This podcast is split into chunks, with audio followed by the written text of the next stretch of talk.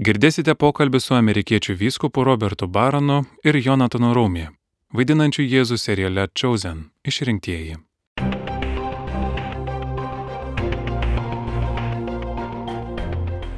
Sveiki sugrįžę į Word on Fire show, degantis žodis, laidą, su laidos vedėjas ir resnysis leidybos direktorius Brendanas Votas. Šiandien dalyjame su jumis viskupo Barono ir Jonathano Rūmi pokalbiu. Jonathaną Rūmi galbūt pažįstate kaip aktorių vaidinantį Jėzų populiariame seriale Išrinktieji. Jis taip pat vaidino neseniai sukurtame filme Jėzaus revoliucija. Šiame pokalbėje, kuris vyko 2022 m. Gerosios naujienos konferencijoje, viskupas Baronas ir Jonathanas Rumi aptarė keletą dalykų, nuo Simpsono iki išrinktųjų, pasakoja, kaip sekėsi vaidinti Jėzų, atskleidžia aktoriaus darbo ypatumus ir kalba apie Dievo žodį. Tai tikrai smagi ir intriguojanti diskusija. Manau, kad jums patiks. Taigi patogiai įsitaisykite ir mėgaukitės šią viskupo Barono ir Jonathano Rumi diskusiją. Well, good morning everybody. Labas rytas visiems, aš esu Džonas Baronas iš Degančio žodžio. Esame čia 2022 Gerosios naujienos konferencijoje Phoenixe ir man labai malonu vesti šį atvirą pokalbį tarp dviejų didžiųjų Jėzaus Kristaus Evangelijos aiškintojų. Viskupas Robertas Baronas yra Vinonos Rochesterio viskupijos Minnesotoje viskupas, jis yra Word on Fire, degančio žodžio, kuriejas ir žinoma vienas iš didžiausių šiandienos evangelizuotojų.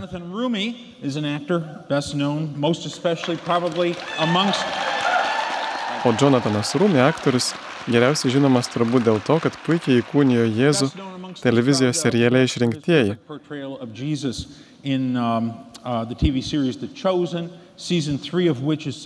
Pasirodė jau trečiasis serialo sezonas. Ačiū Jums abiems už Jūsų nuostabų indėlį. Turbūt nenustabu, kad tokioje konferencijoje kaip ši, judu abu esate kartu. Tačiau tai tikrai toli gražu ne pirmas kartas, kai jūsų keliai susikerta. Tiesą sakant, per pastaruosius keliarius metus jūs užmesgėte draugiškus santykius, kaip visa tai prasidėjo. Kalėjime. Abu atlikome bausmę tam tikrą laiką. Jis sėdėjo kameroje šalia manęs. Mačiau, kad jam ten visai gerai. Pirmą kartą susitikome Los Andželo religinio švietimo kongrese. Jūs ten vaidinote Jėzų dar prieš serialą išrinktieji. Manau, ten pirmą kartą jūs sutikau. Jūs taip pat atėjote į vieno iš mūsų ciklo filmavimą. Manau apie sakramentus. Ir tuo metu negalėjau prie prisartinti. Jie sako, ne, ne, ne, ne, ne, tu tiesiog būk čia ir nesertink.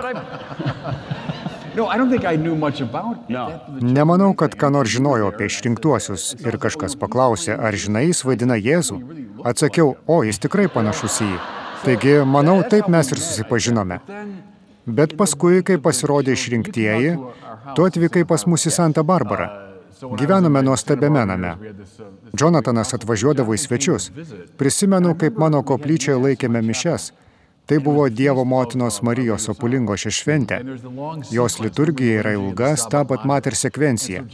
Ir pakvietėme tave per mišes ją paskaityti.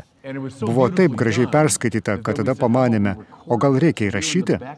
Taigi vakare sėdėjome tų namų verandoje su kunigu of Fire generaliniu direktoriumi. Ir taip gražiai buvo perskaityta. Su Jonathanu įrašėme jo nuostabiai perskaitytus Jaredo Madlio Hopkinso ir Chesterio kūrinius.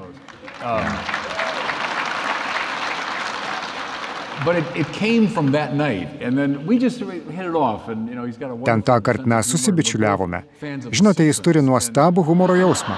Mes abu esame ir Simpsonų gerbėjai. Jis gali garsinti visus balsus. Turiu pasakyti, man buvo tikrai surrealistiška. Iš Jėzaus veido sklindantis Homerio Simpsono balsas. Tad įsivaizduokite, kaip jaučiuosi, kai pažvelgiau jūs, o jūs dainuojate, žinot, Homerį Simpsoną. Taigi vyko dvikova tarp Jėzaus ir vyskupo. Abu dalyvauja dvikovoje garsinant Homerį Simpsoną. Taigi dabar, kai mes supurtėme visą pasitikėjimą religijomis, Pradėjome gana kietai. Pamenu, kalbėjausi su savo broliu vyskupu Robertu, kad draugas iš Word on Fire papasakojo man apie išrinktuosius. Sakau, tai toks neįprastas serialas, tam vyrukui labai patiko. Paklausiau savo brolio, ką tu manai apie išrinktuosius. Jis nustebo, apie ką tu. Žinot, tuo metu jis neturėjo apie tai žalio supratimo. Manau, kaip ir didžioji dalis auditorijos. Jis pradėjo lietai, bet paskui iš tikrųjų užsidegė tuo serialu. Robertai, kaip pagaliau jį pažiūrėjai, Kokie buvo pirmieji įspūdžiai?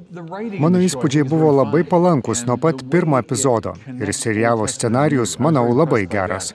Ir tai, kaip jis susijęs Seną ir Naująjį testamentą, man padarė didelį įspūdį. Čia tarsi mano sfera. Kai Jėzų pristatai atskirai nuo Senojo testamento, Jėzaus paveikslas išeina kažkoks iškriptas. Bet kai pateikiate juos taip, kaip pateikia patys raštai, kaip Senasis testamentas pateikiamas Naujajame testamente, man labai patinka scenarijus. Tada galime teikti, kad atspindimas viešpatės veidas.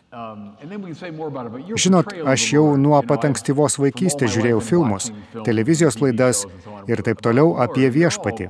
Visi jie galima sakyti geri, bet man atrodė, kad tavasis tiesiog pagauna daugybę niuansų ir tai man padarė įspūdį, o serialo scenarius mano galva labai puikus. Vyskupė, kaip įvardintum, kokie ypatingi iššūkiai vaidinant Jėzų? Ką pasakytum kiekvienam aktoriui, kuo jis turėtų susirūpinti, norėdamas gerai atlikti vaidmenį ir mėgindamas išlaikyti teologinę tiesą? Tai juk didelis iššūkis, ką patartum aktoriams? Taip, prašom, padėti. Iš tikrųjų, mes keletą kartų apie tai kalbėjomės. Tu skambinai man porą kartų ir paprašėjai pagalbos pasirengiant tam tikrai scenai. Turiu omenyje, kad pagrindinis iššūkis čia Jėzus, tikras Dievas ir tikras žmogus. Kaip jūs suderinsite, kai pristatysite šias abi tiesas? Iš daugybės filmų ir laidų apie Jėzų gana lengva susidaryti vieną ar kitą nuomonę. Jėzus yra tikras žmogus, tiesiog didis žmogus, šventasis. Gerai, tai būtų sąžininga, teisinga, tik neadekvatu. Arba kitas kraštutinumas. Jėzus tiesiog dieviška figūra, tik žmogaus išvaizdos. Ir tai grinai nežemiški Jėzaus paveikslo variantai. Ir vienas, ir kitas paveikslas problemiški. Tai labai senos problemos mūsų tradicijoje. Šimtmečius kovojame dėl kristologijos. Žinote, jei nerimaujat, kad šiandien bažnyčioje kovojame dėl daugelio dalykų, tai sveiki atvykę į katalikų bažnyčią. Mes jau seniai kovojame dėl rimtų dalykų. Pirmaisiais amžiais tai buvo kristologija, Senovės bažnyčioje kraštutinėje kairėje buvo nestorianizmas, požiūris, kad Jėzus iš esmės yra didis šventasis. Jis yra žmogus, turintis tikrai galingą santykį su Dievu, kurio mes turėtume siekti. Kraštutinėje dešinėje, senovės bažnyčioje, būtų monofizitizmas.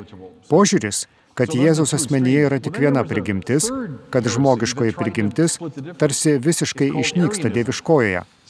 Taigi čia du kraštutinumai. Taigi čia du kraštutinumai. Na, o paskui buvo trečioji erezija, kuri bandė padalyti skirtumą. Ji vadinama arionizmu.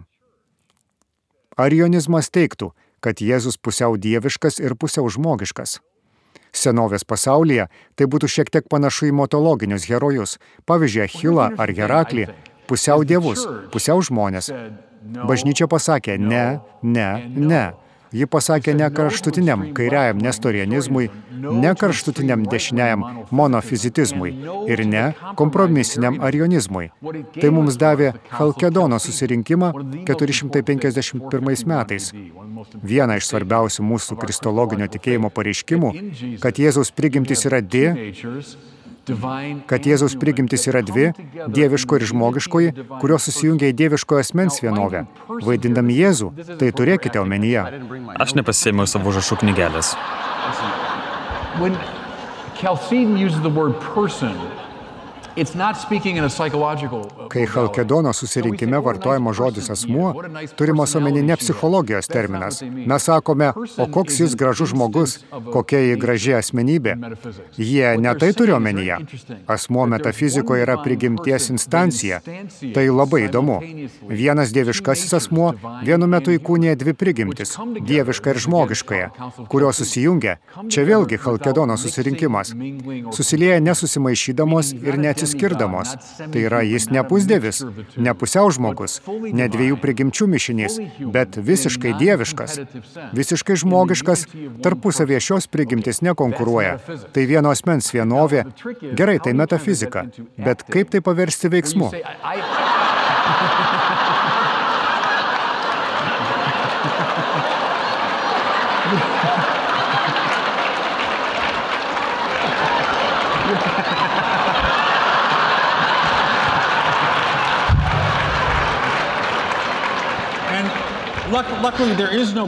Laimė čia ne Viktorina. Here's the good news. He's actually doing it. That, that's what's remarkable.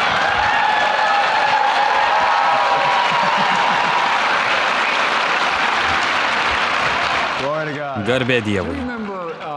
Ar prisimenate Martino Skorsezės filmą Paskutinis Kristaus gundimas? Galima sakyti, kad tai labai nestorioniškas vaizdinys. Jėzus yra tarsi žmogiškasis herojus, žmogiškasis šventasis. O kai kurių kraštutinio dešiniojo sparno atstovų vaizduojamas Jėzus yra tarsi ir nežemiškas, grinai dieviškas, tiesiog sklandantis virš žmogiškosios būties. Kaip susijęti abu šios dalykus vienu metu, kad jie neprieštarautų vienas kitam, kad Jėzus būtų ir visiškai dieviškas, ir visiškai žmogiškas. Būtent tuo žaviuosi jūsų vaidyboje ir serialo scenarijoje. Manau, nekyla bejonių dėl Jėzaus dieviškumo, kuris atsiskleidžia. Ir nekyla bejonių, kad čia yra žmogus, su kuriuo norėtųsi atsisėsti, pavalgyti ir išgerti. Tiesa? Bet kaip tai svarbu Evangelijos, ar ne? Kad žmonės valgė ir gėrė su Jėzumi. Akivaizdu, jis buvo laiminanti asmenybė. Jis buvo žmogus pačia geriausia prasme ne tik žmogus, ne tik didis šventasis, bet ir visiškai dieviškas. Tikiu, kad tai yra Jėzaus vaidmens rašymo ir vaidinimo išmanumas. Jonatanai, kaip tau tai pavyksta? Grįžkime į laikus, kai dalyvavai šio vaidmens atrankoje. Žinau, tai ne pirmas tavo bandymas vaidinti Jėzų, bet kai pirmą kartą su maniai imtis šio vaidmens, kokios mintis sukosi galvoje? Na, manau, kad atsakant į pirmąjį klausimą, pirmiausiai galva ateina žodis malonė.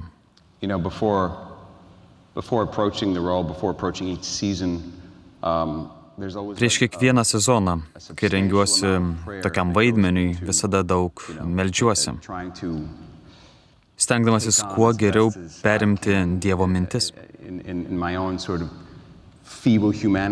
pažinti asmenybę, kas apskritai neįmanoma, nes esu tik menkas žmogus. Taigi viskas, ką galiu padaryti, tai įlieti vaidmenį visą savo žmogiškumą, savo įdingą žmogiškumą. Ir tada prašyti Dievo, kad jis panaudotų mane tarsi veidrodį, kuriame atsispindėtų jo malonė, gailestingumas, meilė, užuojauta visose scenose, visose mano bendravimo scenose ekrane ir už ekrano, kad žmonės pamatytų tai, ką Dievas nori ir pamatytų per mane. Žinot, būna akimirkų, kai scenarijuje perskaitau, kad čia vaizduojama viena iš žmogiškų Jėzaus gyvenimo ir tarnystės scenų. Gerai, žinoma. Tačiau aš niekada nenoriu pamiršti dieviškumo.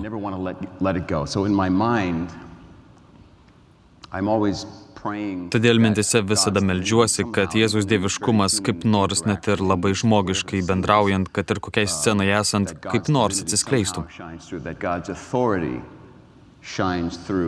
Kad Dievo autoritetas atsiskleistų šiame personaže, nors parašyta, tarkim, kad jis tiesiog valgo sūrį, arba kalbasi, arba prakaituoja, eidamas į kalną, arba, sakykime, kalbasi apie labai žmogiškus reikalus su mokiniais. Tokių dalykų turėjo būti, jie nėra užrašyti, bet žemiškojo gyvenimo reikalai turėjo būti mokinių aptarinėjami, diskutuojami, turėjo būti ir juokaujama, ir jaudinamasi dėl jų, o Jėzus, būdamas žmogus visiškai žmogiškas ir visiškai dieviškas, galėjo tam tikrų būdų su jais bendrauti. Kad ir kokie būtų buvę tie pokalbiai, jis vis tiek yra Dievas, jis vis tiek yra dieviškas. Ar matėte sceną su moterimi prie šulinio? Ji, manau, ypač stipri. Štai tu esi ištroškęs, pavargęs, nuoširdžiai prašai vandens, esi toks paprastas žmogus, o ji tave tokį ir mato. Bet tada, bent man tai yra jaudinanti akimirka, tu staiga parodai žinas jos istoriją. Žinai, už kokių vyrų ji buvo ištekėjusi ir kaip netinkamai su ja buvo elgiamasi. Taip atsiskleidžia viešpatės dieviškumas, bet jis nekonkuruoja su šiuo žmogiškumu. Matote, mes kūriniai negalime bendrauti kitaip, kaip tik šiek tiek nekonkuruodami arba konkuruodami. Taigi, jeigu aš noriu dominuoti jūsų gyvenime, jūs turite pasitraukti iš kelio, kad mane praleistumėte. Bet Dievas juk nėra mūsų vientisumo ir laisvės konkurentas. Juk Jėzus gali būti, jis yra geriausias pavyzdys, visiškai dieviškas ir visiškai žmogiškas. Jo žmogiškumas nėra pažeistas. Kaip tik dėl to ši scena tokia galinga. Jei mes ją suvaidintume, sekdami tik užrašytą istoriją, tai būtų didis šventasis, tikrai giliai užjaučiantis bičiulis. Gerai, jis būtų pranciškus asižėtis arba tiesiog Dievas. Ir čia nerastume nieko apie jo žmogiškai poreikį, nieko apie tikrą troškulį. Tuomet toks personažas neturėtų patrauklumo, kurį dabar turi. Viešpats Jėzus brangina, vertina žmogų. Bažnyčiai prireikė daugybę šimtmečių tą išsiaiškinti, bet tai kilo iš tos patirties. Arba toji scena, kurioje Natananielis po figmedžių išgyvena baisę krizę, o tu jį pašauki, bet paskui pasakai, mačiau tave po figmedžių. Taip, kai buvai prislėgtas bėdos, mačiau tave.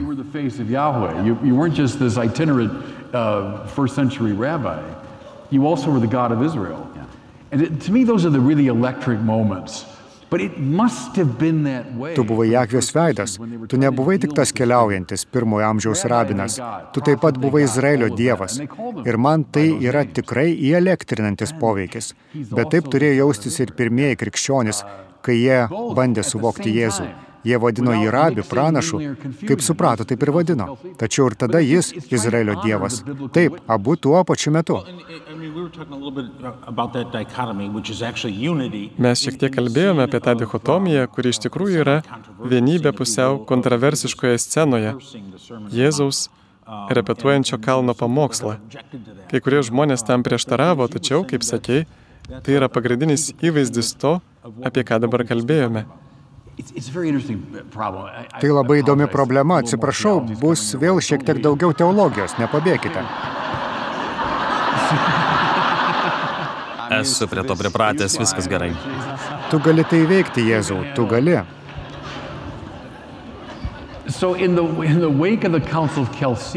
Taigi po Halkedono susirinkimo krikščionybėje vėlgi nieko stebinančio kilo didžiuliai ginčiai. Po poro šimtmečių įvyko monoteletų ginčas. Šis žodis reiškia vieną valią. Ir čia vyravo nuomonė, kad Jėzuje yra viena valia, dieviškoji valia, o jo žmogiškumas tik tarsi vykdo dieviškosios valios paliepimus. Jis neturi tikros žmogiškosios valios. Na, o Maksimas, išpažinėjęs, kuris buvo vienas iš didžiųjų rytų tėvų, sakė, ne, jei Halkedono susirinkimas neklydo, Jėzuje turi būti dvi valios - dieviško ir žmogiškoji. Vieno asmens vienovėje.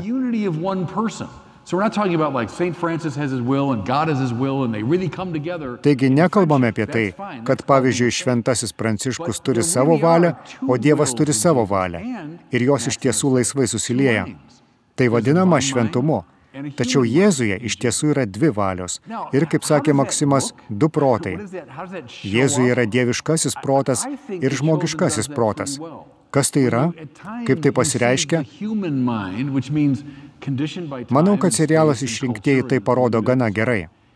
Kartais matote žmogiškai protą, saligotą laiko ir erdvės, kultūros, ribotą. Ir matote dieviškai protą, abu pagristus dieviško asmens vienovę. Kaip tai jaučiasi viduje, niekas nežino.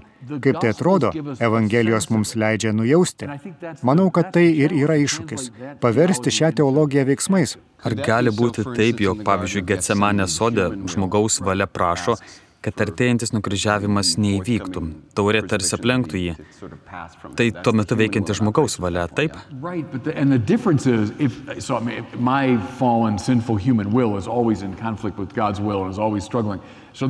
Tikrai. Ir skirtumas tas, kad mano puolusi nuodėminga žmogiškai valia visada prieštarauja Dievo valiai ir visada kovoja.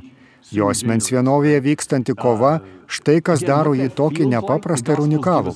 Kaip tai jaučiasi, Evangelijos mums pateikia vaizdą. Jis prakaituoja krauju. Ar toji kova galėtų būti kaip mūsų žmonių kova tarp dvasios ir kūno.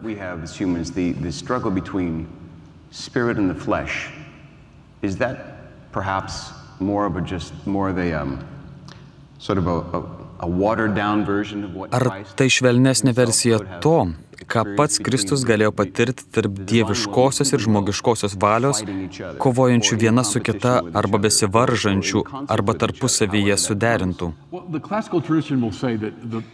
Na, klasikinė tradicija teiks, kad žmogiškasis ir dieviškasis protas, žmogiškoji ir dieviškoji valia Jėzuje yra darnoje. Jėzaus maldą Getsemanėje galima vertinti įvairiai. Buvo ir kitų momentų, kurie nebuvo tokie reikšmingi, nebuvo pabrėžti. Uh, Jei Getsemanės maldos pabaigoje aiškiai matome, kad yra abiejų valių sutarimas, tai nėra taip, kad jos atsiskiria. Jos ir nesusimaišo. Tai dieviško asmens vienybė. Tačiau, kaip pirmiau klausai, tai tikras iššūkis aktoriui vaidinančiam Jėzų. Bandyti tą vienovę perteikti labai sunku.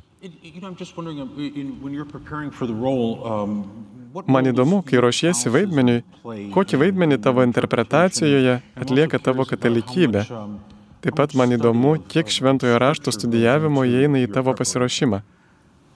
Um, Jūs dabar matote mano šventojo rašto studijas štai čia.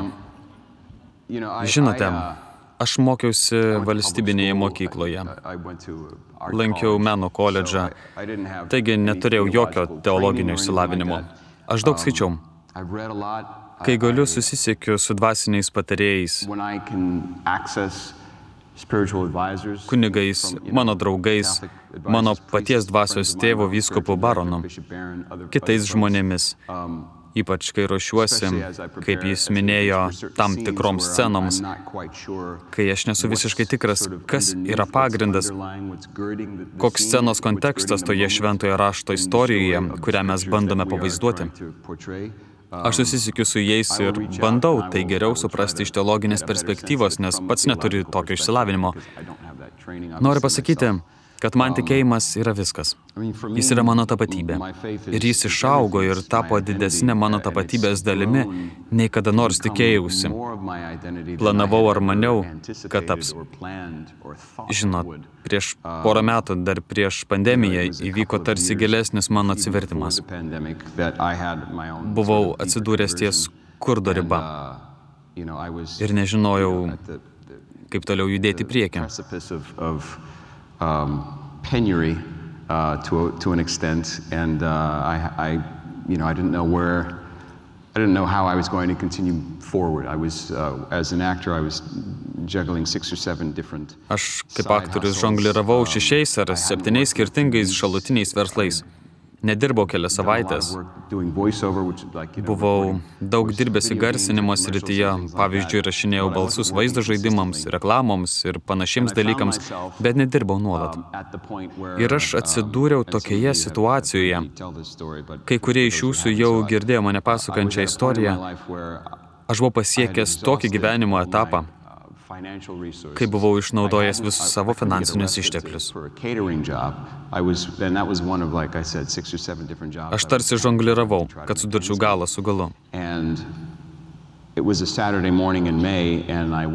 Gegužės mėnesio $100 šeštadienio rytą atsibudau ir buvau I had 20 prasiskolinęs bucks in 100 my dolerių. Kišenėje turėjau Uh, I 20 had dolerių. Turėjau pakankamai maisto likusiai dienai ir viskas. Nežinojau, kaip sumokėsiu nuomą kitą savaitę ar dvi savaitės, be visų kitų sąskaitų, kurių mokėjimo terminai buvo suėję. Taigi tai mane privedė prie egzistencinės krizės.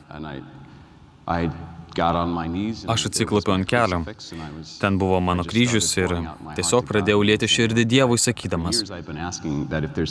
Klausyk, aš jau daugelį metų prašau, kad jei yra kas nors kita, ką turėčiau daryti, parodyk man, kas tai yra, nes tai nepaprastai sunku. I wasn't in my 20s. I wasn't just, I didn't Ir aš nebuvau jaunas vyras, žinote, man buvo ne 20 metų. Nebuvau tiesiog atsidūręs Los Andžele, ką tik baigęs koledžą. Jau buvau dirbęs 20 metų ir, žinote, nenusekliai. Ir aš pasakiau Dievui, tu niekada man nesuteikė jokių kitų ženklų, kad turėčiau daryti ką nors kitą. O dabar pažiūrėk, kur aš esu. Bet aš tavim pasitikiu. Ir todėl atiduosiu viską. Viską, ką turiu, savo gyvenimą, savo valią, tai kaip valgysiu. Ketinu visą tai atiduoti tau. Ir daugiau dėl to nesirūpinsiu. Tu sakai, kad tavo našta lengva ir tavo jungas švelnus. Štai mano našta, paimk ją. the 20 bucks I had in my pocket, I probably Ir tą rytą išėjau su good 20 breakfast. dolerių, kuriuos turėjau kišenėje. Tikriausiai išleidau juos tikrai geriams pusryčiams. Ir pirmą kartą aš iš tikrųjų pasijutau, na, nežinau, kas nutiks, bet tai ne mano problema. Aš palauksiu. Ir aš nuoširdžiai palikau tai ramybėje, nes neturėjau kito pasirinkimo. Nes jei būčiau buvęs paliktas savo paties sumanimams, būčiau toliau bandęs valdyti ir kontroliuoti savo karjerą ir daryti viską, ką turėjau daryti. Viešpats juk padeda tiems, kurie patys savo padeda. Iš tikrųjų, to Biblijoje nėra. Ir aš klausiu, kur tas užmokestis, kur jis yra?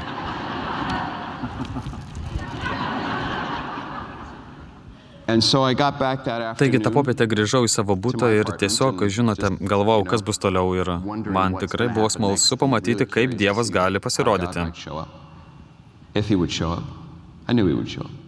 Žinau, kad jis pasirodys. Atidariau paštų dėžutę, o ten buvo keturi čekiai. And I said, oh. Ir aš pasakiau, o ne, ne, ne. Jie nėra tikri. I was expecting I knew there Tikėjausi, žinojau, kad bus 50 bucks 50 coming dolerių, taigi vienas iš dalykų, apie kuriuos užsiminė Džonas. Aš buvau for spektaklyje uh, Kančia su Mario Vargo iš GK Chesterton Entertainments. Taigi, įsigykite DVD, nes jame galite pamatyti vieną iš mūsų suvaidintų kančios in- pavadintą in, um, Paskutinės dienos. Uh, and I knew I had I had like a $50 reimbursement. Taigi mes jį bažnyčioje, į kurią ėjau. Ir aš žinojau, kad turėjau coming my way. So I 50 was like, dolerių kompensacijos "There's the čekį už nusipirktą 50 bucks, but makiažą ar kažką panašaus. Taigi sakiau, štai čekis, bent jau where 50 they were dolerių. Bet tada buvo dar trys čekiai, apie kuriuos neturėjau jokio supratimo, iš kur jie gauti ir kam jie skirti. a- Ir vienas iš jų, kai dirbi aktoriumi televizijos um, seriale, paprastai po daugelio metų vis dar gali gauti porą dolerių iš vadinamojo likutinio atlyginimo. Taigi uh, kiekvieną kartą, kai kur nors pasaulyje parodoma programa, aktorius uždirba šiek tiek pinigų. Taip jis tarsi palaiko savo karjerą dėl nenuseklaus gyvenimo būdo. Taigi vienas iš tų čekių, manau, buvo kompanijos, kuri išmokėjo likučius, kurie nebuvo išmokėti maždaug ketverius metus. And so I, I set up a little, my phone on my bed and I just Aš pasidėjau savo telefoną ant lovos ir užfiksavau tą akimirką, nes negalėjau patikėti, kad po to, kai verkiau ir išlėjau savo širdį Dievui, sakydamas, kad tu turi kažką daryti, nes aš nebeturiu jokių galimybių, aš jau turėjau keturis čekius. Atplėšiau kiekvieną čekį. Ir kiekvienas čekis buvo didesnis už prieš tai buvusi. Dienos pabaigoje $11,000. turėjau 1100 dolerių. Graži istorija. Kartais aktoriams reikia atokvėpio valandėlės.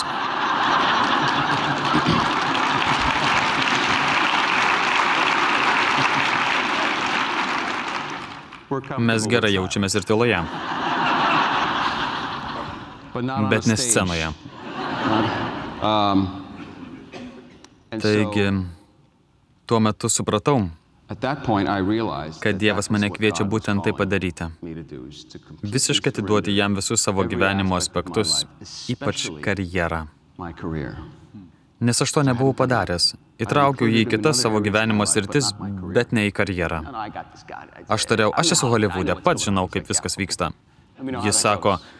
jis sako, taip gerai, duok žinoti, kaip seksis. Praėjo aštuoneri metai, štai kur aš buvau. Uh, O po trijų mėnesių Dallasas Jenkinsas paskambino man filmuotis keturiuose serialo apie Jėzų epizoduose ir nežinojo, kur tai nuves. Jis buvo finansuojamas aukotojų lėšomis. O aš su juo buvau sukūręs tris trumpametražius filmus jo bažnyčios didžiojo penktadienio pamaldoms vidurio vakaruose ankstesniais metais. Taigi, kai jis paskambino ir pasakė, Nori vėl užsidėti sandalus? pasakiau, kad būtinai. Ir štai po ketverių metų esame čia.